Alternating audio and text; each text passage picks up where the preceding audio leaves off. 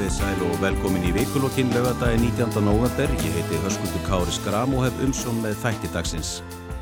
Vikan var nokkuð tíðinda mikil. Á mánudag byrti Ríkisendurskoðun skýslu um sölu ríkisins á tæplega fjórðungsluti í Íslandsbanka. Það tók rúmlega hálft ára að klára þessa skýslu og óhætt að segja að það hafi ríkt nokkur eftirvænting.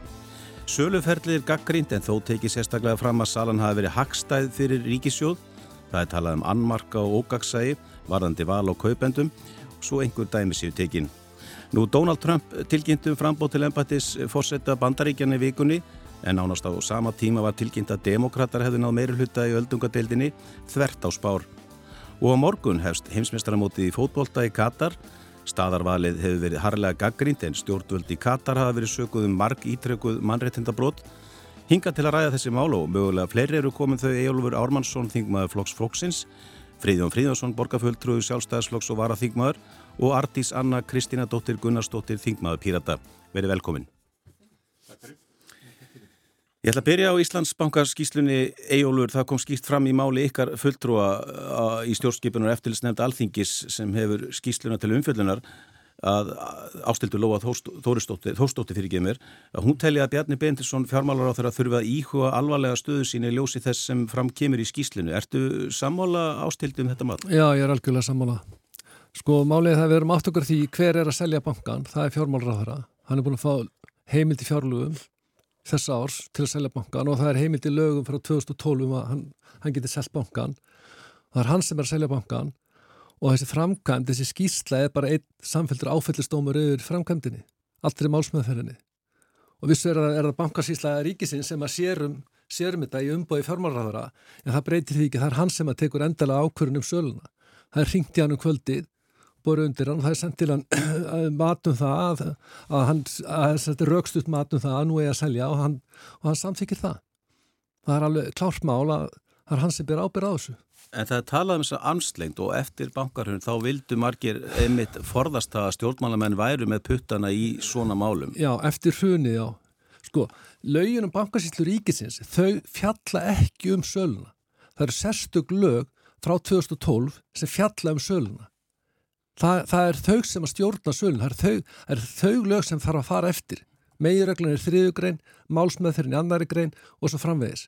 Það er þau lög sem að fjallum sölun og það er þau lög sem voru brotin. Ekki lögin um bankasísluna. Og það, þessi, þetta armslengtar sjónamið, það á ekki við um söluna. Það á hins vegar við þegar það verið að reka bankana. Þá kemur bankasíslan inn, skipa fulltröði stjórn og svo framvegis. Það er þannig sem þetta virkar, en svo eru sett sérlögum sölun, það er þau sem voru brotin og þess vegna þarf hann að íhuga stöðu sína. En Artís, eh, ríkisætturskoðandi sagði viðtalið fréttastofu Rúfa að hann væri ekki að benda á einhver ákveð lögbrót heldur fyrst og fremst annmarka. Já, það er svolítið áhvert að skoða skýsluna, annars er þá tekur ríkisætturskoðandi fram að hann sé ekki að skoða það hvort að lög hafi verið brotin að því leiti sem að uh, þörfir á tólkun lagana sem á við um öll helstu ákvæði lagana sem við þurfum að fá á hreint. Þannig að auðvitað er þessi skýrsla, hún er að mörguleiti vonbreyði að því litinu til, annars er það sannarlega vonbreyði að við skildum hafa haft rétt fyrir okkur með þar grunnsendir sem við höfðum um anmarkana á þessari sölu. En uh, hún staðfestir líka að þetta er ekki fullnændir ansókn á því sem að, sem að gekka á það, það er stærstu spurningarnar í þessu, þeim er ennþá ósvarað. Og hvaða spurningar eru það, svo nefni bara einhverjar? Það er til dæmis fyrst og fremst varðandi ábyrðir á þeirra og það er hlutir á þeirra og annað slíkt.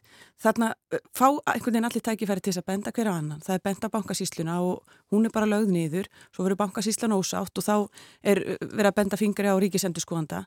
En það sem, við, það sem er ekki á hreinu er hver er ábyrð á þeirra og hver á að axla þessa ábyrð og þetta, þess, þessi þetta orð armslengt sem að er búið að vera mikið í sér umræðu og, og, og ráþöra hefur notverð sér mjög mikið. Mér finnst þetta mjög áhugaverð nálgun hjá honum vegna þess að hann er á sama tíma að e, láta eins og hann sé að verða við einhverju kröfu um að vera ekki með bein afskipti af, bein pólitísk afskipti af þessum málum og af bara rekstri banka í Íslandi yfir höfuð en hann er líka fyrir að sé ábyrð sem að hveðið er áum í lögunum hann skuli hafa. Það er einhverju ástæði fyrir því að ráþara þarf að staðfesta hinn á þessa hluti og varandi til dæmis það ef, hvort það séu aðilar þarna á, á þessum lista eða í hópi kaupenda sem eru nátengdir ráð þeirra, það lítur að koma til skoðunar hvort að hann sé þá hreinlega hæfur til þess að byrja ábyrða þessu ferli til að byrja með og þar hlýtur hann að þurfa að, að taka ábyrð, axla þá ábyrð, bæði í gegnum ferlið og svo núna eftir á.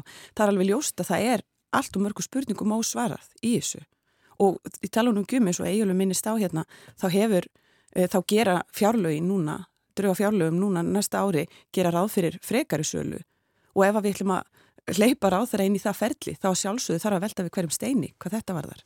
Það er náttúrulega, Fríðjón, fjármála eftirlit Selabankas er að svona gera úttækt á þessu ferli og þeir eftirliti er fyrst og fremst að horfa á þessa sölu ráðgjafa. Mm -hmm. Ertu sammála því sem hér hefur komið fram að já, það þurfi að svara þessum spurningum varðandi ráð þeirra ábyrðina sem kannski fjármála eftirliti er ekkit að fara að skoða? Nei, fjármála eftirlitið einmitt skoðar ekki hérna, þann hluta málsins og, og, og fer í, í sagt, skoðar hvort að, hvort að allt hafi verið um, með réttum og eðlum hætti í, í sölunni sjálfri þar sé að hvað hva, hva sölu aðlarnir framkvæmdu hérna varðandi hins vegar sko ríkisendurskoðun og, og, og skýslinni heilsinni þá er ég ekki sammála fjölum mínum hérna við borðið í, úr stjórnaræðstöðinni uh, um að þetta hafi verið einn uh, svakalegur áfellistómur salan er ríkisjóði hagfæld eins og kemur fram í skýslunni og, og þegar maður skoðar í, í heldar samengi hlutana þá er þetta, það, það voru þarna sóttir gríðarlegar fjármunir í þessari sölu. Hvað sé að varða sko ábyrð ráð þeirra uh, á uh, sko við setjum upp system og það er alveg rétt hjá Eyjólfi að laugin um, sölu ríkis, laugin um bankasíslun er ekki sömu, frá 2009 er ekki sömu laugin og, og laugin um sölu uh, ríkisegni fjármál. fjármál 2012. Sem er frá 2012. Þa, það er alveg rétt. En sko við setjum, við setjum upp kerfi þar sem að, og, og krafanum mitt eftir hrun var að fá hinn að faglegu ráðgjöf og hinn að faglegu ákvarðanir og, og uh, og ráð þeirra ætti sem minnst að vera inn í einstak ákvörðunum. Það dætt engum í hug þegar 24.000 manns hérna keftu hlut í fyrra í bankanum að uh, ráð þeirra ætti að staðfesta sérkverja sölu. Það, ekkit, eh, það, ekki, það, það er algjörlega galin hugsun um það að, að, að, að ráð þeirra höfðu þetta staðfesta hverju sölu. Þannig að ráð þeirra staðfestir uh, sagt, sölu meðferðina og, uh, hérna, en hann er ekki að taka sér hvert kaupenda og kvitt upp á hann. Þannig að, veist, mér finnst þetta mér finnst þetta að vera svolítið stjórnarnarstöðu hérna fílingur í þessu að leita að öllu hennu vonda og, og, og bend og hérna og sjá ekki stóru myndina, týna sér í smáatröðunum En hver er, stó, hver er þá stóra myndin að þínu mati? Að, að, að salan var hagfæld, það eru alls konar ag, agnúar á framkantinni sem að ég er alveg sammála að hefði átt að fara með betri hætti. En hver ber ábyrð á því þá? Þeir aðlega sem að framkantu söluna. Sem sem að væri sko, þá hvernig... Sko maður bara aðeins spenda á sko... Og hvernig byrja þeir ábyrg og hvernig taka þeir ábyrg? Það er búið að leggja bankasíslunum niður. Hver, það er ekki búið að leggja bankasíslunum niður. Hvernig, hvernig tek, taka þeir ábyrg? Sko maður bara benda það. Hlutverki ríkisendurskoðunar og þeir segja þetta strax á fyrstu blaðsíu að hlutverki ríkisendurskoðunar er ekki það að hveð á um það hvort það hefur verið brotin lög eða ekki. Það er ekki, þeir, þeir, þeir byrja að segja það. Það taka ekki afstöðu til þess og fjalla ekki um það. Þeir fjalla hins vegar um málsmeðferðina út frá lögunum og það er allt sem bendir til þess að lögin hafi verið brotin. Sko, meginreglu lagan er það að það var opsöluferli, það var gegnsæi, það var hlutlægni og það var hagkvæmni. Hag, hagkvæmni því er hæsta verð. Ef við tökum bara hagkvæmnina, þá er selt á 117 og það var til þess að fá erlendi fjárfesta niður. Það var eftirspurn, 120% eftirspurn yfir genginu á genginu 122. Og það var það sem að ráþir átti náttúrulega samþykja. Ef við gefum okkur það. En hann samþykir 117 munurinn 117-122 eru 2 miljardar 250 miljónir það var, það, það var fjára sem er Íslenska ríki tapaði með því að samfækja 117 og þessi erlendu fjárfestar þeir fara strax út. Það er ekki rétt, ekki, ekki, ekki, allir. ekki allir þeir gera það, en þeir voru að hafa engin kjölfestu fjárfestar á þessum erlendu fjárfestum.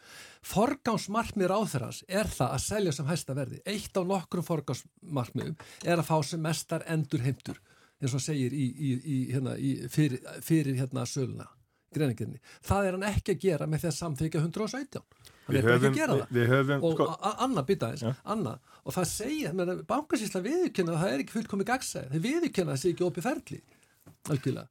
Sem að strax er í rauninni lögbrott þá fáum við ekki nægar upplýsingar. Þeir veit ekki einu sinni þeir er ekki einu sinni með skilgrinningun og hæfum fjárfyrst á hreinu það, það sem er líka áhugast við þetta þeir bara er alltaf baka þeir veit að meiris ekki nákvæmlega hver raunverulegur eigundur er, er í þessu baka þessi tilbúð þetta, þetta er nefnilega það sem ég held að líka vekja veki upp uh, hvað ég var að segja, óþægilega tilfinningu hjá almenningi. Þarna er verið að selja eign almennings, eign ríkisjós mm.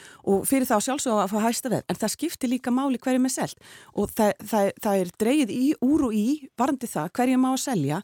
Framan af það talaðum að hafa það er ykkur opinn útbósleið og það er þessi útbósleið sem er valin og það er fyrstulega er enga veginn og hreinu hvenar svo ákvörðin er tekin hvers vegna Uh, og hver tekur þá ákvörðun. Vegna þess að það eru bara mísjúsandi upplýsingar um það. Og það er grunnstið sem þar vekur upp. Það, það er að, að það séu einhverju hagsmunir þar að baki sem að ráða þegar þessi leiði valin sérstaklega vegna þess að hún er ekki farin með þeim hætti sem ráðlagt er.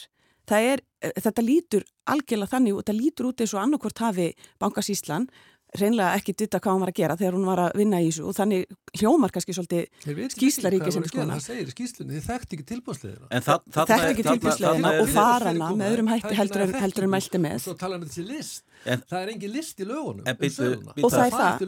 En, við langar samt að segja eitt að því fjármálur á þeir hefur ítrekkað uh, komið upp í ræðustól og sagt að þingið hafi verið upplýst. Það lág allt fyrir frá upphafi hvernig uh, ráð, ráð þeirra og, og ríkistjónin eh, væri búin að hugsa sér þetta ferli. Það er bara eitthvað sem mann er að fullera og þetta bara er ekki rétt og það kemur fram í meðalinn í sískíslu ríkisendur skoðanda það sem er líka, eins og ég segi, varandi þessa leið að velja þessa útbósleið tilbósleið, að uh, hún er ekki farin á endanum. Það eru verið að í rauninni fara aðinni með einhverjum aldunum hætti sem gerir það verkum að þarna detta inn allskynns litlir minni fjárfestar sem engin veit hvernig koma þetta inn eða hvers vegna þegar það var, það var kynnt með þeim hætti að ástæðan fyrir að tilbúslegin væri valin væri svo að það þýrt að finna kjölfestu, fjárfesta og annað slíkt. Og svo er þetta, svo, það er dreyið í úr með þetta og það er, það er bara svo mikil upplýsinga óriða.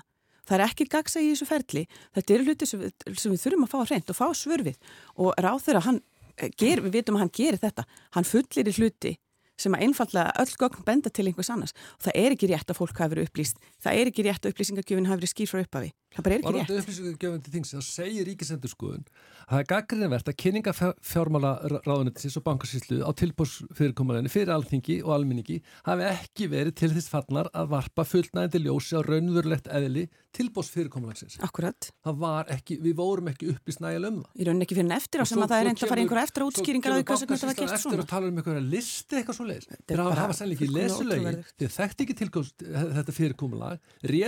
þetta að og þeir letu sölurákjana ringja í sína bestu kuna til að kaupa. Og svo faraði fram á það þessi skrúanu verði niður í 117 og það er selt á því. Við verðum nú að gefa friðjani tækifæri til þess að svara einhverju af þessu hérna.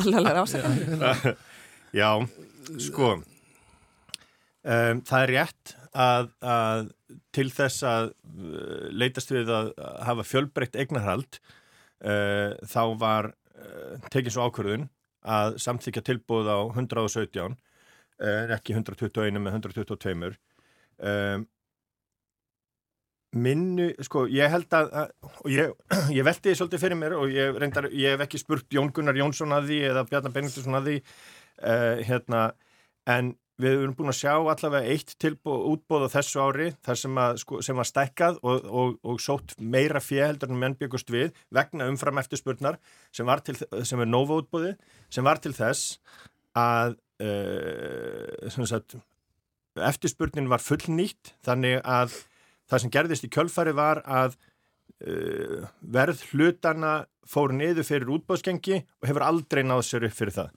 og þetta var í, það er núna liðnir ykkur fimm mánuður fyrir, eh, eftir þann tíma eða síðan þann tíma.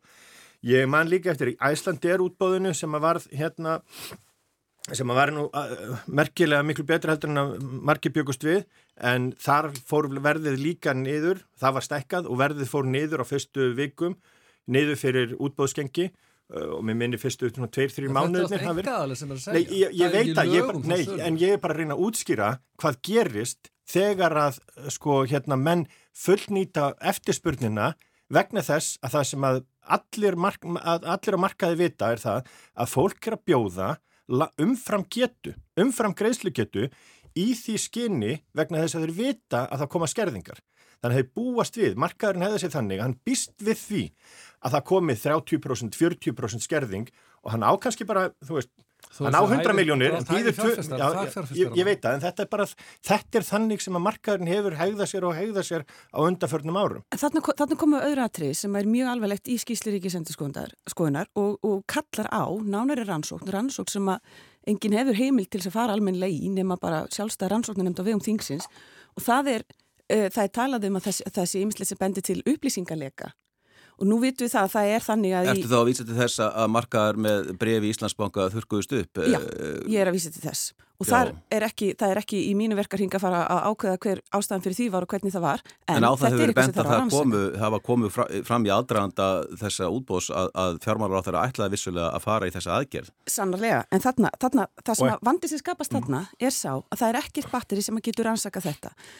Nú er það þannig að þegar við erum með, með innherja viðskipt, við erum með reglu sem gilda um þau þau virka þannig ef þú hefur tiltöðinu upplýsingar þá ef þú kaupir að þá getur þú þurft að bera ábyrð. Það er ekkert sem segir að þú eigir ekki að kaupa. Ef þú kaupir ekki, þú hefur einhverja ákvæmnu upplýsingar og þú kaupir ekki í kjölfarið. Það er ekkert, það skapast engin ábyrðar keðja þarna og það eru alls konar svona hlutir, það eru bara allt og mörg rauðflögg sem eru, eru sett á loft í sér skýslu og ég held það er bara ekki og þetta er alls ekki, ég skil vel að Fríðjón skuli velja þá línu að þetta sé bara eitthvað stjórnaranstaðan að reyna að vera einhverju sparðatíningi til þess að höggja ríkistjórnina, það bara sannarlega er ekki máli hér. Ekki í stjórnaranstöðu. Ég segi það. Bara lesið bara skýsluna, þetta er alveg augljós mál og þetta kallar og frekar er rannsók og það er rannsók nefnd altingis og það var þetta dreigða eignaræðild við getum reynt að selja þetta dreift það er markaður sem stjórnar það síðan svo, svo, svo að þess fólk selur á þessu verði 117 og kassar inn, hagnaðinn, þá fækkar eignaðar að, aðilunum, það getur gerst líka. En það, þetta, þetta fyrirkomulag fyrstulega verið ekki þekking á því og það var ekki farið að lögum um sölu á eignarhutaríkisins í fjármálafyrting, það var ekki gert. Það er alveg kristalltert á þessari skýslu en þeir fullir að þess að vera ekki að vera lögbrot. Þeir segja að það er ekki okkar hlutverk. Nei, Nei. Uh, varandi þetta triðin það kom fram í máli uh, ríkisendurskóðanda í vikunni og svo ég ætla bara að lesa þetta beint út hefði ríkisendurskóðan orðið þess áskynja að lög hefði verið brotin þegar að egna hlutu verið seldur í mass hefði stopnuninn vakið aðtikli á því fullir þér Guðmundur Björgun Helgason uh, ríkisendurskóðandi Það er ekki þar með sagt að þótt að hlutar hafi misfarist að þeir hafi verið ólöglegir. Þetta er bara bein tilvittnin ríkisendurskóðanda í þessari viku. En varðandi aðeins þetta hérna, sem að mér finnst mjög, mjög merkilegt mál, var, varðandi aðdraðanda útbóðsins. Uh, það kemur fram að uh, bankasíslan hafði samband við 26 eða 29 aðila á markaði, þess að lífeyrisjóði, til í aðdraðanda útbóðsins til þess að, að bæði upplýstið á um sagt, að útbóð væri e, yfirvofandi eða handað við hotnið og, hérna, og þó að lífeyrisjóður sé ekki í dagtreyti e, e, hérna, á hlutum á böngunum og svo framvegis er, sko, við, með, við segjum þjóðveit þá þrýrvita en þegar að 26 aðilar á markaði eða 29 aðilar á markaði vita að útbóð er yfirvofandi þá vita bókstaflega allir á markaði að útbóður yfirváðandi og það dregur úr sölu á hlutum. Það, ég finnst það bara að vera nánast sko hérna blasa við. Ég vissi ekki fyrir bara í gær eða fyrradag að þetta hefði, hérna, þetta hefði verið svona og það kom mér óvart. En mér finnst það bara að vera augljóst ef við ætlum að gæta einhverja, einhverja sangitni í, í þessar umfjöldum staðin fyrir að ásaka sko fólkum innherja viðskipti og svik og svo framvegis að Þetta er bara líklega það sem gerðist. Hver er ásökum svika? Þetta er bara seltan um kvöldið og máli búið. Nei, ég er að tala um það sem að hefur verið talað um núna í aðdrand og, og, og, og þingmaðurinn Björnlefi Gunnarsson hefur talað mikið um hvernig viðskipti með eh, brefi Íslandsbanka þurkuðust upp í aðdraðanda eh, hérna, útbóðsins. Eins og markaðarinn hafi þá vita að þetta var í vandum verðið, það var mikil umfram eftir spurning þessu útbóði þessu gerist daginn áður það er bara gerist daginn áður. Þannig verið að selja ákveðnum tímapunkti. Já, við erum að tala um sekvot hlutina, Jólu, sko. Já, ég er bara að segja, við erum að tala um, að tala um sölu ríkisins Já, við erum að tala um það hvernig viðskiptir náttúrulega stöðvust með brefin uh, í aðdraðanda eins og það, markaðarinn hafi vita það fyrirfram að þetta væri í vændum. sem er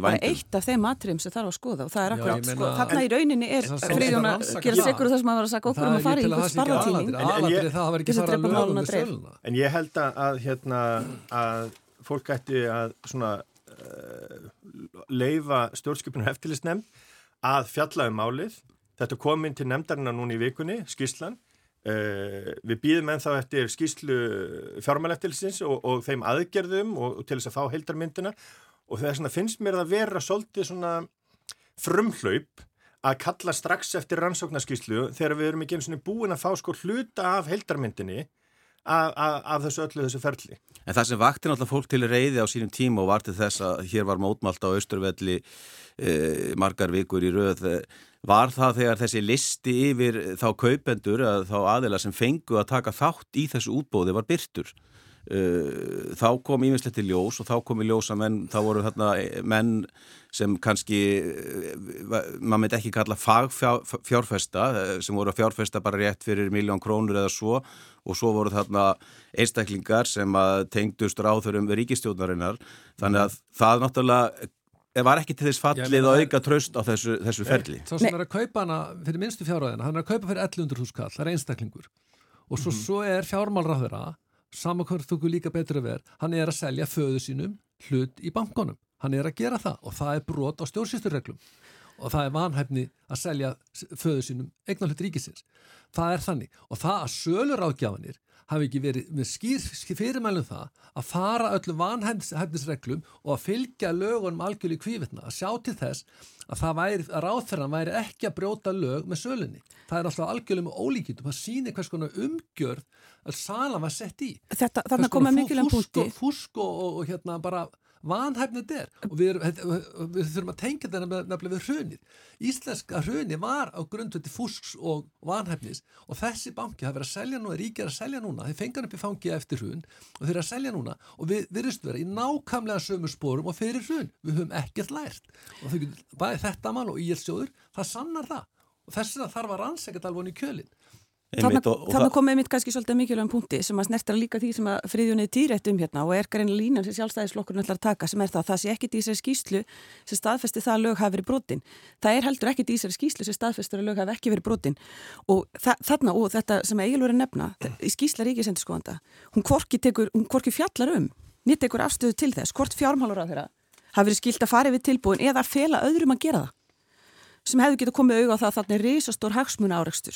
og bara þetta, bara þetta gerir í rauninni vekur upp það alvarlega spurningar að það væri aðlilegt að fara yfir þetta allt saman. Annars eh, í rauninni er, getur hann bara nota orðið eins og armslengt og hann bara fyrir sig ábyrða öllu ferlinu með þessum þætti. bara á ekki við þessu máli, það er ákveðlög í, í, um, um, um þessa sölu og það er hans sem tekur ákvörðinu söluna, það er hans sem undir þetta kaupsæningana, það er haft samband við hann um kvöldi og það er hans samþykir að selja þessu verði. Þessi armslengt á við og lögin gera kröfum það þá eru lögum bankastilins þau með þau að við. Það er bara vitt að tviðsessin í lögum, lögum og söluna, ég vittnaði tvö ákvæði í, hérna, í, í, í þeirra sko bankastíslan á að tilkynna ákvæða hvenar og hvað að selja og líka undirbúa söluna. Það er það sem þeir eru að gera. Það er svolítið áhugavert, ég fylgist með þessum umræðum á alþingi um, um skýsluna og, og það, það hafa verið margar umræðar í ólíkum formum en, en það sem ég hjó eftir er það að þetta voru fyrst og fremst þingmenn sjálfstæðsflokks sem tóku til máls í þessum umræðum. Það, það bar ekki mikið á hérna, þingmennum samstagsflokkana í ríkistjórn þar að segja vinstri grænum og framsóknarmönnum. Það voru kannski helst við já, fjölmælafólk sem að eh, sem að vorum að ná í, í, í þær, þau viðhorf. Hérna, er verið að skilja ykkur sjálfstæðismenn bara eina eftir til þess að verja þetta mál, Fríðjón? Eh, ég veit ekki betur heldur en að, að, að fórsættisráð þar að hafi komið ítrekkaði í hérna, gefið kommenti í, í uh, vikunni. Já, ég veit í fyrirspyrjum tíma og af því að fjölmjölamenn óskuð eftir viðbröðum. Og, og hérna, og uh, bæði vinstrigrænir og uh, framsókt tóku þátt í þessari sérstakku umræðu sem var á þriðdægin, þannig að, og þau komið þar upp. þó það hafi ekki verið stokkið upp í öll ansvör eins og, eins og hérna, eins og vinni vinnir í stjórnarnarstöðinni að þá hérna, þá, jú, jú, og það, og það var, kannski rennur okkur meira blóði til skildunar uh, sem að vorum, sagt, uh, inn á þingi í þessari viku, sjálfstæðismenn, þannig að hérna, þú mátt ekki miskil mig, ég er ekki að segja að, að þeir hafa alls ekki tekið til máls hérna, ykkar vinir í ríkistjóðan en að þeir voru kannski ekki jafn áberandi og ekki jafn margir. Nei, en er það ekki samt sem að er bara svolítið eðli málsins að, ef ég að setja aðeins á mig greiningarhattin en ekki hérna pólitík, taka með pólitískhattin að það gerist yfirleitt í málum þar sem að sko sem að er verið að fjallum mál ráð, viðkomandi ráð þeirra að samflokksmenn hans taka freka til máls heldur en hérna samstarflokkana Það er náttúrulega bara svona sem þessi ríkistjórn vinnur, hún, hún hangið saman með því að tala ekki saman. Við höfum náttúrulega að sé það að, að hvers skipti sem er farið í gaggrinu á einnig ráð þeirra þá stökk allir hinn í burt og láta hann bara sjá um þetta. Við höfum séð að þegar kemur að því sem að til dæmis stónsmálaráð þeirra er að gera, það er ekki, ber ekki mikið á því að það sé í rauninni samstæðis að ríkistjórn nema um það að vera ekki að skipta sér að því sem að ráð þeirra hinn af flokkan er að gera. Þannig að þetta komi sjálfur sér ekkit óvart. Ég hef nú fylgst með pólitík lengur en þessi ríkistjórn hefur lifað sko og þetta finnst mér að bara verið hefðin almennt sko. fyrirkomulega. En Fríðan, ég vil nú leifa þér að halda greiningarhattinum á, á höfðinu en, en kannski þú setja líka politiska hattina því að Eyjólfur kom hérna að rannsóttanemdini sem stjórnarastuðu þingmenni hafa verið að kalla eftir e, Bjarni, fjármálaráþara hefur sagt að það sé ekki þörf á enn annari skýslu sumi vilja bara býða eftir niðurstuðu stjórnskipuna eftirlitsnemdar og þessari skýslu fjármála eftirlitsins en miða við það hvað stjórnarnastar segja og miða við það kannski sem að þau eru að vísa til þess að, að það þurfu einhvern veginn að byggja upp traust. Er þá ekki allt í lægi að þessi rannsóttanemnd verði skipu til þess að fara yfir þetta mál til þess að já, skapa einhverja sátt um þá áframhaldandi sölu og tröst ég, ég hefði nú tilfinningunni að það skipti nánast hengum máli hvað hérna, hversu marga nefndir eru þau skipaðar að stjórnaranstæðin eru þau aldrei sátt. Þannig að hérna en ég held að það sé bara eftir hvað kemur út úr rannsókninni. Getur vel verið að stjórnaranstæðin eru alls ekki sátt. Ég hérna til sko ég held að það sé best að málið fari sem eðlilega farveg í stjórnskipuna eftirlisnefnd fari þar í sína umfjöllun sem að hefur verið og, og hérna og, og, og var í gær og verður í næstu viku og, og, og fram eftir hérna, fram í desember og líklega fram í januar. Uh, ég held að sé ráð að býða líka eftir hérna, skýslu og aðgerðum fjármáleftilisins vegna þess að, að það skiptir líka máli í þessu hérna, máli. Þannig að og, og ef að þar væru hérna, og hvaða hvað er hægt að taka, hvaða aðgerður fjármáleftiliti mun grípa til verða þar einhverju sem verða sektaðir eða jáfnveil ákjærðir fyrir brotalögum það skiptir máli í þessu, í þessu máli. Þetta myndi ég vilja spyrja Fríðjón, hvort að það standi þá líka til að geima frekari sölu banka, ríkisbankana eh, á meðan við erum að komast í bótt í þessu máli eða hvort að það sé eh, hvort að þið sjáu fyrir ykkur að það sé fullkomlega eðlilegt og verði tröst í þess að halda áfram með þessu sölu þráttur öllum þessu spurningum sé ósvarað, ekki sístum ábyrðir á þeirra. Ég hef alltaf verið hlindur því að hérna, bankarnir séu seldir og það verið haldið áfram með söluna og er það áfram. Ég myndi vilja bara sjá bankan fari almennt útbóð eins og hann fó, var farið með hann í fyrra. Það svo hérna sala gekk mjög vel.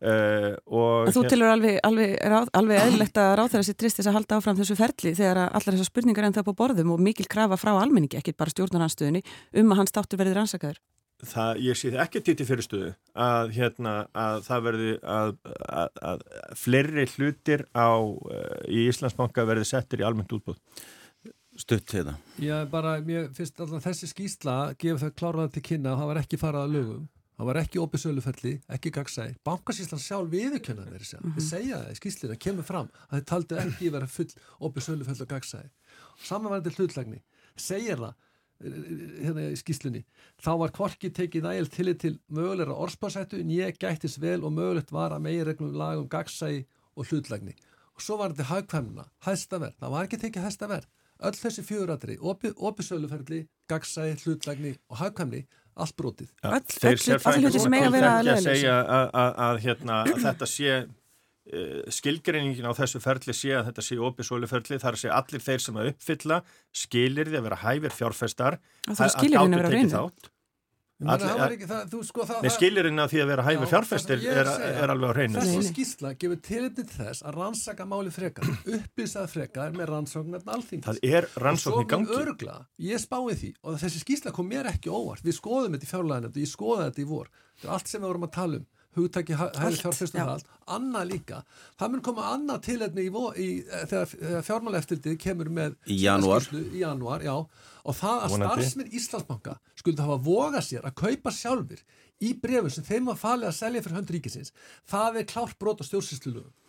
líka það í, í, í í í er alveg auglasmál að það, þá mun fjármáleftildi taka til komið áfællistómi við þeirri sölu. Bara því litla atrið og það að fjármarraðara skildi ekki hafa gert eitthvað í Ísokakast Íslandsbanka er algjörlega með ólíkindum. Málið er bara það, það virðist vera að sé þessi aristokratja sem er hérna í bankunum en þá, alveg sem var fyrir hrun. Þetta er eitthvað untouchable slið ósnertanett lið, og það er það sem er í gangi hann, að þið skulle hafa vogað sér að gera þetta er algjörlega með ólíkindum Stuttu Fríðan, svo að það skiptum umræðni Já, ég hérna Eh, ég held að sé bara best að við býðum eftir eh, aðgerðum og skýslu fjármáleftilsins og hvernig ég ætla ekki að fullera það að hérna með, með, ég ætla ekki að fullera það eitt eða neitt um hvað fjármáleftiliti mun gera varðandi Íslandsbanka eða aðra sölu aðila á þessum brefum. Uh, ég hef ekki fórsöndu til þess. En þú með samþykja rannsókn eftir skýslu fjármáleftilsins í janúar ef hún er áfættistómur yfir til dæmis eins og Íslandsbanka og öðrum atriðum sem þeir fjallum. Það stóð til að, að setja fóttur rannsóknum nefndi ef, ef að skýsla ríkisendarskoðanda myndi vera áfællistómar, ég myndi hún segja að hún sé það. Já, og svo núna kemur annar áfællistómar í janúar og þá erum við að tala. Við leiðum þetta mál ekki til, við leiðum þetta mál. Ég er ekki fjármarraðara, ég er bara upplýsa málið og svo getur við rætt þá niðurst að þegar búið er upplýsa málið að fullu. Já, en þeir rópið á rannsóknum nefndi áður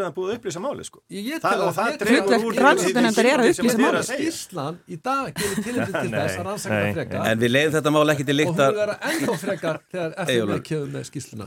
Við sittum hérna Ejólfur Ármannsson, Þingmaður Flóks Fólksins, Fríðan Fríðansson, Borgarfulltrúi og Ardís Anna Kristína Dóttir Gunnarsdóttir, Þingmaður Pírata. Ég ætla að fara í annar mál eh, og, og nána tildikið í, í bandaríkjónum. Það, það voru stórtíðindi þar í vikunni. Donald Trump, hann ætlar að sækjast eftir ennbætti fórseta í þrýðasinn. Mm -hmm. eh, á hann einhverja möguleika, Fríðan?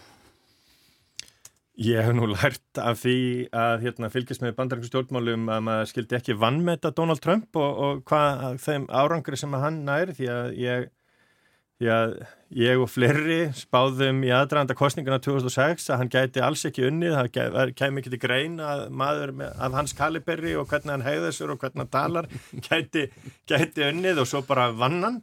Þannig að hérna, við sem er minni hluta atkvæða en bara vann þá kjörmenn sem hann þurfti að vinna en það sem er ólíkt núna og þá er það að það er augljóst að hann nýtur til dæmis ekki stöðnings uh, eh, fjölmjöla samsteipu Rupert Murdoch uh, þegar að hérna, þegar að hann lísti við frambóði á þriðdægin að þá hérna á dægin eftir að þá var New York Post sem er blað sem að Murdoch fjölskyldan sem á Fox News hérna álíka og þar settu þeir frambóðstilkynningu Trump á 27. síðu og fóru fyrir eitthvað háðulegum orðum um uh, eftirlauna þega í Flórida sem hefði ákveðið að bjóða sér fram til fósetta og hérna þannig að og það skiptir máli í bandarískum stjórnmálum og sérstaklega hægra megin að ef að Fox samsteipan er ekki með honum í liði og manni virði sem að þeir ætli að veðja á Ron DeSantis uh, ríkistjóra í Flórida sem að Trump er já, þegar byrjar að gaggarinn og, og, og, og dilgja um og hóta og ég veit ekki hvað. Já, já, en sko vegna þess líka sko Trump telur sér svikin í treyðum sko vegna þess að hann uh, valdi DeSantis til þess að verða sko sinn mann í Florida og sinn, það var, það var annar maður sem að hérna var landbúnaður á þeirra uh, Florida sem að hafi umtalsett forskot í, í prókjöri um ríkistjórnbætti á sinu tíma þar til að Trump sagði DeSantis er minn maður og þá skusti Santis fram, fram úr þessum ágættamanni og, og vann uh, síðan hérna, kostningunum með mjög litlu mun. Uh, þannig, að, þannig að Trump telur sér algjörlega sikin í treyðum og svo er Florida líka hans heimasvæði þannig að þetta er svona sérstök hérna, svik við, við hann og þetta er svona, já, uh, ég held að íslensku fortsögnar muni bliknaði samanbörði við hjaðningavíin sem eru framundan í reflugunafloknum. Ejálfur, þú bjóst í bandaríkjunum, eh, fylgjastu þið vel með pólitíkinu Já, þar? ég fylgist mjög vel með og við vorum skiptinum á saman tíma í bandaríkjunum, high school graduates í hérna á sín tíma og svo var ég í námiðar og hérna ég tel að, og fylgt að mikið áhuga á bandaríkjunum og bandaríkjum stjórnmálum og ég tel núna, og alveg rétt sem að fyrir að segja varandi York Post að þeir hafa líst yfir eh, hlust ekki lengur á Trump og þeir meiri sem seg, voru með fórsjuminni með, með Sanders de, de, future að það væri framtíðin. Og þegar að menn eins og Robert Murdoch og samsteipan hans að þeir ætla ekki að stiðan að þá er hann búin að vera heldur og menna, þessi samsteip er alveg ótrúlega valda mikil og ekki bara líka í Breitlandi ekki bara í bandaríkanum og það er líka, ekki bara það, líka svona, megadónarar, þeir eru hættir að stiðan og það er tveir, þrýr mjög stóri dónara, e eigandi Blackstones grúpunar, uh, Lauder Ronald Lauder sem er erfingi Esti Lauder þeir ætla ekki að stiðja hann. En hefur þessi og það mun skipta mjög miklu máli. Flokks, þetta flokks eiganda félagi sem á kalli þetta, hefur hún eitthvað skipt Donald Trump einhverju máli, hefur hún ekki alltaf verið að sækja sín atkvæða til grásrótarinn er svo morðið komast? Já sko, ef, ef hann fær ekki stuðning og ég held að þessi þetta, þessi, þetta sko í bandrygg ef hann fær ekki stuðning Fox News þá held ég hann ekki séans og þá er það mjög slæmt. Þess að þetta sem er gerast í bandryggjum er mikið fjölmjölamál þetta er mm. Fox News búið að svona ala og olgu í samfélaginu og svona splittelsi í samfélaginu, ég getur kallað það að þá, þá er, þetta, er hann búinn. Og líka núna, þessi kostning núna þeir eru ekki að vinna var, hans fólk var ekki að vinna eins og í Arizona, líkil ríkjum mm -hmm. kjósundu voru að hafna auka hægri fólkinu sem, og þessu fólki sem var að tala um kostningasvíkin og að þessi kostningasvika umræði á honum, það var peningamaskina líka. Hann fekk svo mikið pening út á þetta út á þessu umræðu. Og ég get ekki sé og flokksægjandi félagi er að sjá það við getum ekki unnið midterm election sem er átt að vinna. Þessi red wave, rauða bylgja, hún átti sér aldrei stað. Og raunverulega Já þeir unnu, unnu fulltróðið Já þeir, hvernig unnu, jú, þeir unnu unnu þessar kostningar meðals annars út á klúri hjá demokratafloknum í New York ekki til dæmis þeir töpuðu fjórum sætum þar Malóni kostningastjórnum, hann var ekki kosin inn einu sinni það er þar við tapis eiginlega mm -hmm. og það eru mistök hjá þeim og það er verið að vara við flokkin við, Economist, FT og fleiri, ekki fara svo langt til vinstri. Og það var sem gerðu og líka skipila þeirra, þeir hefðu geta haldið, hefðu, hefðu haldið sem fjórum í New York. Svo segja blöðin allavega. Þannig að ég, ég held, ég myndi ekki veðið á hann. Ég tel að, ég er búin að vera að býða eftir því, sko, ég held þessi nefnd hana, sjötta janúarnemndin, myndi vera svona endapunkturinn hjá hann, en ég held að sé, þetta gerist hægt og síðandi. Hver, hvernig meðast þú Artís Sigurlíkur Donalds Trump? Uh, ég mætar engar áður þannig að ég held að mín greining sé sennilega kannski ekki svo áræðanlegast en ég tek undir með frífunni að það er akkurat það sem ég hef lært á undanfjöndum árum það er að vanmeta ekki Donald Trump. Ég held hins vegar að uh, hans valda sétta hafi að mörgu leiti sínt fólki hvaða afleiðingar það hefur að hafa einstakling sem að, sem að leifi sér uh, þá orðræðu og þá hluti og það er ekki sem að hann gerir hvaða afleggingar það hefur algjörlega óháð því sem hann er, hvað er að segja, þeim ákvörunum sem hann er að taka. Það var til dæmis alltaf, uh, það var, það var, þessi lína var oft nótu sko varðandi það hvers konar fósetti hann væri, það var sagt, já hann allavega stendu við kostningalofuru sín. En ansvari, rétta ansvari við því er, nei, sem betur fer ekki.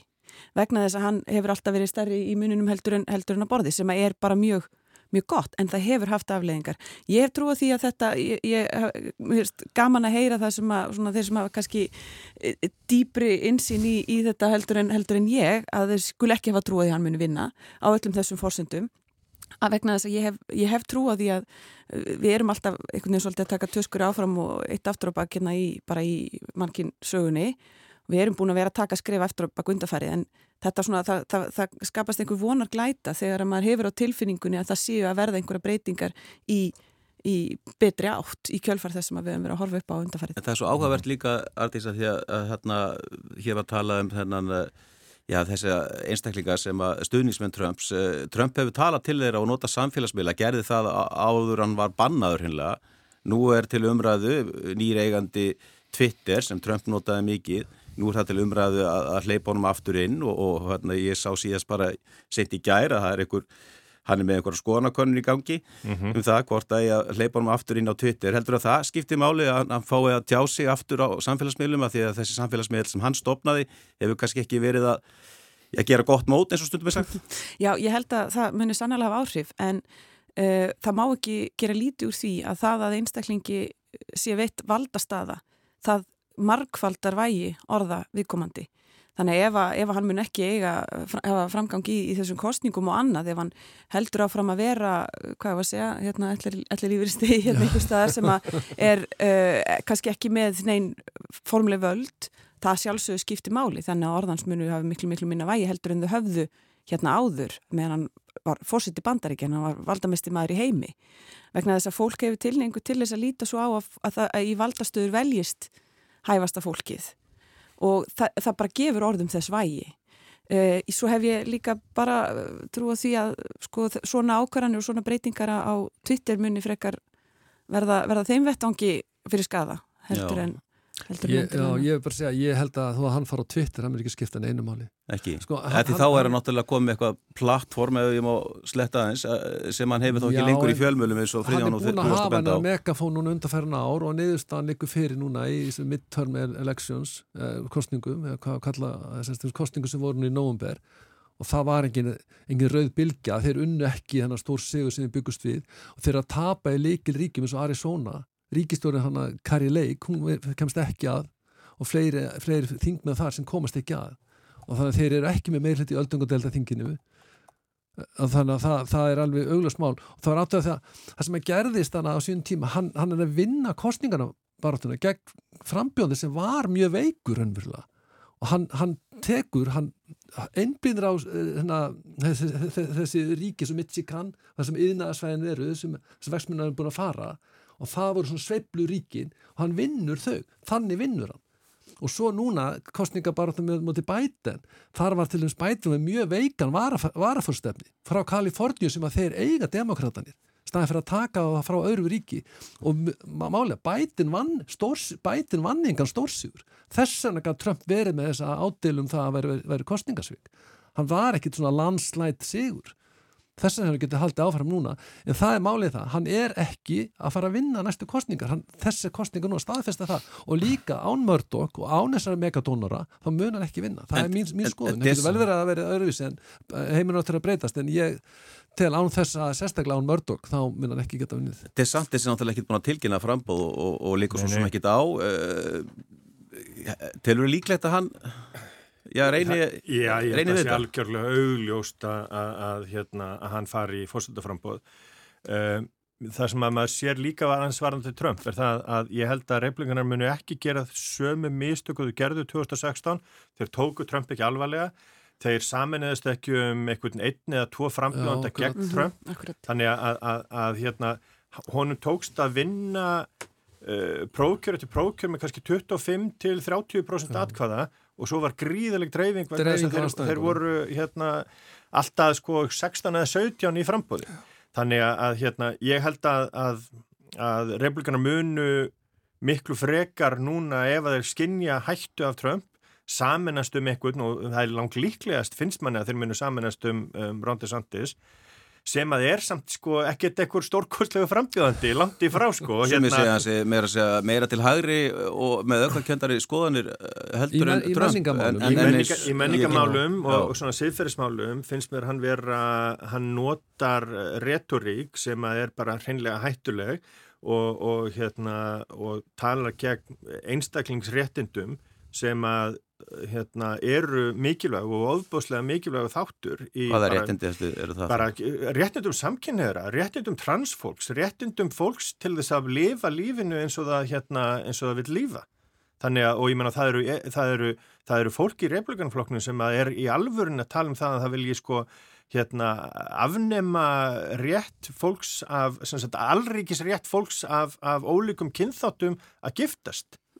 Ég meina þetta er í alvörunni sko, og færa það til ríkjana Jávar skoðanir. Þetta er Clarence Thomas. Hæstaréttadómari sem að sagði í álitin sínu að hann vildi færa þennar rétt til, hérna, til ríkjana til Nei það var ekki fyrir ekki, það var ekki hann það var hérna Alito sem að nefndi þetta. Þannig að Já, sko, það er það, hægri, stefna, hægri stefnan hanna er það að færa réttin til ríkjana sem fórstöringar hana, ríkin eigi ákveða Já, já, en svo þeirra ríkin vilja ákverða eitthvað með, með réttindi sko, með hérna, eh, varðandi sko, skotva, að þá er þetta orðið alríkismáli sko. Tvískinningurinn í þessu leiði er algjör En verður þetta, sko, bara svona til þess að klára þessa umræðu, Biden, hann er 79 ára og verður hvað 81 þá vantarlega þegar kostningin, mm -hmm. Þegar kostningarnar fara fram. Er einhverja líkar á því að hann, hann er ekki gefið algjörlega út hvort hann ætli að bjóða sig fram aftur en svona hefur það kannski gefið það hefði ekki? Hann hefur sagt að hann muni fara fram hann aftur. Algjörlega, já, já, ok. Hann hefur ekki haldið frambóðsfundin um, sko, ég mun gefa kost á sér, kost á mér, en hann hefur sagt að hann muni fara aftur fram. Uh, hann verður áttræður núna bara á næstu dögum þannig að, hérna, þannig að hann verður uh, sko, hann verður rétt tæplega 82 ára í næstu kostningum og hann er uh, nú þegar orðin held ég ef ég maður rétt er hann ekki búin að slá metið jú, jú, sem sko, elsti sítandi fósetti bandaríkjana þannig að sko ég held að sko man, mann finnst ótrúlegt að hann fari fram aftur en svo eru sko svo, svo, svo er þetta ekki bara hann. Þetta er og eins og í öllum sko svona, í svona stóru samfélagum, þetta er hópur af fólki, þetta er fylking sem á allt undir honum og vinnuna sína og á, pólitíska áhrif og svo framvegis, þannig að ég, mín tilfinning er svo að, að sá hópur muni uh, gera allt til þess að hann haldi völdum og, og, og, hérna, og haldi stöðu sinni sem fórsetaframbjöðandi demokrata En, ég held að, menna, hann er það gamall og já, já. ég er bara ekkert vissum að fara að vinna sko eins og, menna, DeSantis er mörguleiti, ég menna, hann er, vann mjög góðan sigur í Flórida og hann er einhverja með máli sem þessi anti-vogue stefnu hans, já, dæmis, og móti hennar uh, critical race theory sem ég kendi skólum, þeir unnu nú Virginia ríki, republikanir á því það, það er sko. sem er algjörlega mjög hræri mjög uppi fólki, fólk vill ekki hafa þess að sé að vera að breyta námskólan á annars líkt en bætinn er samt þess ég, Já, ég, ég efast um að bætinn sé nógu sterkur gegn honum. Ég, það sem er að gerast í demokrataflokknu núna Pelosi er hægt, það er komin ég held að veri Hakim Jeffries frá New York sem er mm -hmm. taka við Leittói flokksins Já, verði leittói flokksins í fulltrúadeildinni. Hann held alveg frábæra ræði ákjörnu gegn Trump í fyrra málum minni mig. Mm -hmm og hann er, sko, það er að vera kynnslóðskipti þar. Þannig að það verði ekki kynnslóðskipti floknum nema bæti stíði til hliðar. Og þá er spurning hver komi En það er engin á, á, þessu... Er engin á er Kamila, Kamila, Kamila Harris ekki nægilega sterk hún er, allan, hún, sko, Ég tala um að vera veikuð frambjóðandi og hún hefur ekki staðið sér verð sem varafórsett að mínum að ég fór til Miða Ameríku til dæmis sem var algjört fíasko og hún hefur ekki verið mjög ábyrrandi Þannig ég, ég held að hún sé ekki nægilega stór sterkur frambjönd. Ég held að sé freka til dæmis að uh, ríkistjóri í Michigan, kona. Gretchen Whitmer. Já, hún geti komið fram eitthvað, eitthvað bara úr þinginu, öldugadelta þinginu. Þannig að það er ekki öll kull komið til... Kull komið til grafa þar, en þeir er, verða samt að fara að byrja að kynna sig. En það eru engir sko, þau sem að hafa sko mælsterkastir fyrir, fyrir neðan sko Biden Harris eru Pete Buttigieg, hérna kannski Gavin Newsom Pete Buttigieg já, já, já, og hérna þannig að sko mað, það er engin það er engin krónprins eða prinsessa, mm -hmm. það er engin sem að maður segir, heyrðu, þetta er Nei, sá sem að mun taka við. og það, það, kem, það, það, það gerist alltaf sko í prókjörum að einhver stígur upp, einhver verður ég meina það dætt voðalega fáum í hug að sko ríkistjórn í Arizona gæti hérna fengið útnefningu demokrata fyrir kostninguna 1992 en svo bara verður hann stjarnar í Bill Clinton, verður hann stjarnar í Arkansas fyrir kjöðu, verður hann stjarnar í þessari, í því hérna því kjöri, hann rýs upp. Saman má segja um Obama Algjörlega, ég meina Obama var bara Obama heldur ræðu hann 2004 á þinginu demokrata, þá slæðir hann algjörlega í gegn, æðislu ræðu maður en það breyti því ekki bæti núna, það sem mistingi voru 2016, það átt að vera bætin Trump bætin er eiginlega á setna kjörtinabili sínu núna. Mm -hmm. ég og eftir að sjá hann bjóða fram. Ég, ég, ég þór ekki að veðja já, ég ekki þór að veðja svo sem upp okkar lítið en ég held að verði ekki, hann, hann verði ekki frambúið. Þú ætlar að minna stíða til þér? Ég held að minna stíða til þér, hann er bara of gamall held til ég, og það er kynslu að skipta í flokknum það, þau munu eiga sér staða núna næstu mánuðum árum. En förum hérna yfir í annað og, og, og, og kannski já, mjög merkild má líka það er hérna Artísa Morgun hefst heimsmestaramótið í fótbolta í Katar með stórleik heimamanna gegn Ekvator og eins og allir vita þá, þá náði Ísland sem betur fyrir kannski ekki að, ná, að tryggja sér fast eða þetta mót, kastljósið hefur verið svona og beinstað mannréttindabrótum í Katar og spillingu innan FIFA sem er allþjóða knastbyrnu sambandið Er það fókbóltar til framdráttar að þínu mati að þetta mót fari fram í þessu landi? Enga vein og ég held að það snúst um miklu stærri hluti heldur en framdrátt fókbólta. Ég held að þau tæki sem við höfum til þess að hafa áhrif ástöðu marginda í heiminum yfir höfuð eru miklu fleiri og stærri heldur en ég held að við sem raunverulega erum búin að viðkjanna og þarna erum við með þá hluti. Mm -hmm. Við erum í, heims, heim, í heiminum í dag, erum við löngu búin að uh, yfirgefa kenninguna um einhvern hérna menning, einhverja menningarlega afstæðis ekki hvað var það mannreitindi. Það er þannig að allt fólk það ber, eh, er, hefur jöfn réttindi til lífs og, og frelsis og annars og, og það skiptir einhver máli hvað það er. Þannig að það sem er kannski var fyrirsjánlegast í þessari umræðu en hefur ekki fengið mikið hljómgrunn ofta áður. Það er þessi krafa um að það sé ekki verið að blanda pólitík í fóboltan. En uh, það sem ég held að fólk sé almennt að vakna til vitundar um er það að allt sem við gerum í rauninni er pólitíst og það er ekki þannig þegar kemur að mannrindabrótum að það sé hópur sem er lindum mannrindabrótum og hópur sem er, er á mótið heldur er við með einstaklingar sem berja skegg þeim og svo erum við þá sem horfa í hináttina það eru, það eru þessi tveir hópar og í hvorm hópnum allir að vera. Að mínu mati er ekki spurning að við um að sniðganga þessa keppni og, og rúa á að sniðganga þetta ég, það er bara ekki, ekki spurningi mínu huga. Það er bara ekki að sína frá þessu móti? Alls ekki og er, sko, þetta er eitthvað sem skiptir meira máli heldur um við höldum. Það skiptir máli þegar þjóðir taka afstöð með þeim hætti og það er ástæðan fyrir því að ríki eins og Katar sækja fast eftir því að halda svona keppni og eins og hefur verið, er nánast komið í ljós að það hafi fengist í gegn með einhvers konar spillingu þó að það sé ekki 100% búið að finna upp nákvæmlega hvernig. Hvers vegna gera þau það? Þau gera það vegna þess að það hjálpar ímyndera á alþjóðavettvangi. Vegna þess að fyrir öll líki heims það skipta alþjóðasamskipti máli, alþjóðaviðskipti og annað. Katar hefur haga af því að fá allar þess að þjóðu til þess að koma þarna og, og horfa í hinn áttina og sjá allt sem er frábært. Velja bara hvað gerstum er sínt og annað. Þannig að þetta, þetta snýst ekki bara um að uh, vera að fara með einhverja pólitík á okkar fókbóltamót þetta snýst alls ekki um það, þetta snýst um það að vera ekki að uh, eiga þátt í því að ríki bæti ímynd sína með þessum hætti þess, Þetta hefur oft verið gert samt sem að það, við tölum ólipjuleikana og önnur stormót sem hafa farið fram í umdeildum löndum eða það sem umdeilda ríkistjónir ráða völdum. Uh, einmitt til þess að, að kannski með þá voni hjarta að það leiði til einhverja breytinga. sem það gerir kannski einhverju leiti og þá kannski sést það stundum í framkvæmdini í kringum það. En það gerist bara mjög sjaldan. Og það er að mínum að það hefur verið mjög háverð krafa um sniðgöngu svona keppna við á. Ég held að það myndi í mörgum tilvíkum hafa miklu, miklu meira áhrif heldur en það að mæta með einhverja friðafána á, til þessari ríkja og við ættum að nota þetta miklu, miklu meira, sérstaklega Vesturlönd. Sniðganga svona keppnir þegar að, þegar að þær líka beinlýnis byggjast á margindabrótum eins og þarna erum að ræða. Það snýst ekki bara um almenna aðstæðir í landinu, það snýst um bara þessi keppni, hún, þetta er bara, bara rist á, á mannslífum. Fríðan, að sniðganga, ætla þú að sniðganga þetta mút Ég veist að ég, hérna, mér finnst það góð spurning, vegna þess að nú er ég mikill ákváða maður um fótbolta og hérna, og, en ég hef aldrei verið jafn lítið spöndur fyrir heimsmestramóti eins og núna. En getur það ekki bara verið því að tímasetningin er svolítið svona öðruvísi heldur meðlega?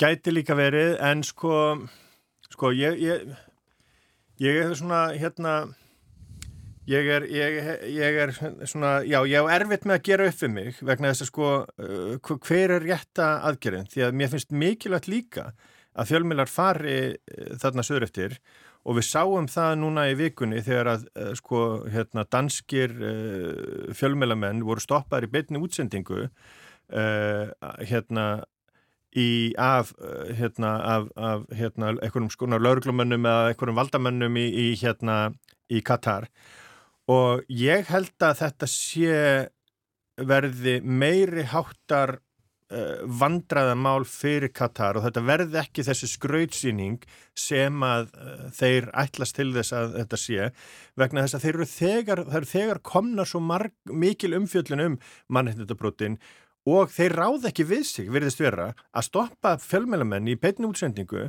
Núna rétt fyrir helgi kom hérna það að, að, að hérna, konungsvölskyldan í Katar hefði sko væri að, að hérna, svíkja lofverðið um að leifa sko, sölu bjórs á leikvangunum og Böttvæsir er einn sko, hérna, stærsti styrtaræðilinn að þessu móti.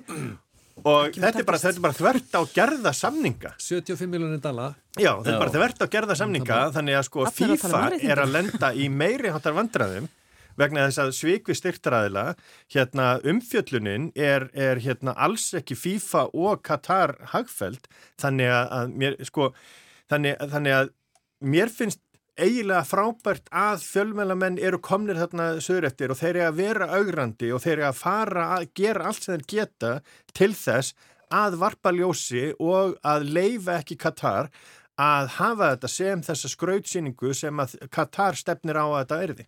Fósetti FIFA sagði í, í yfirlýsingu held í sent í gær, frekarnir heldurinn snemmi morgun, þetta væri hræstni hjá Vesturlundum að vera að gaggrina Katar, hér væru menn að nota síma sem væru framleitir við umdeildar aðstæður og svo framvegis og svo framvegis. Eólfur, já, hvert er þitt mat? Nei, Ég, ég tel að það sé nú ekki hræsti mér sjálfsagt að fjölmila fjallu um ástandi í kvattar og, og ég tel að það hafi verið ákveð mistök að, að láta kvak, að leifa kvattar að halda keppnina og það var 6500 farandverkamenn dáið í kvattar síðan það var samþýtt að kvattar heldur keppnina. Og ég held þessi 3000 og eitthvað sem við múum að deyja bara með byggja þessa, þessa fótboltafelli Deyja, bara fólk dó.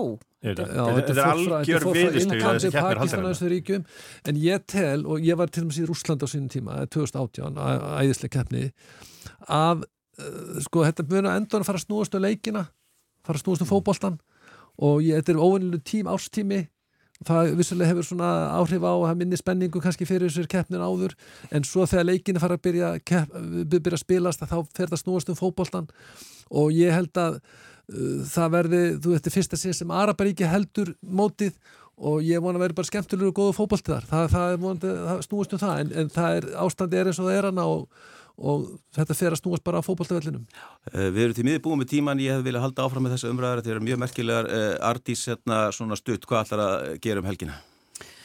Uh, ég er að fara að skoða hús og svo er ég að fara að opna jólamarkar og bara dunda, dunda með með börnum mínum. Hvaða jólamarkaðar eru Ég opna? hafna fyrir því. Já, uh, Fríðjón?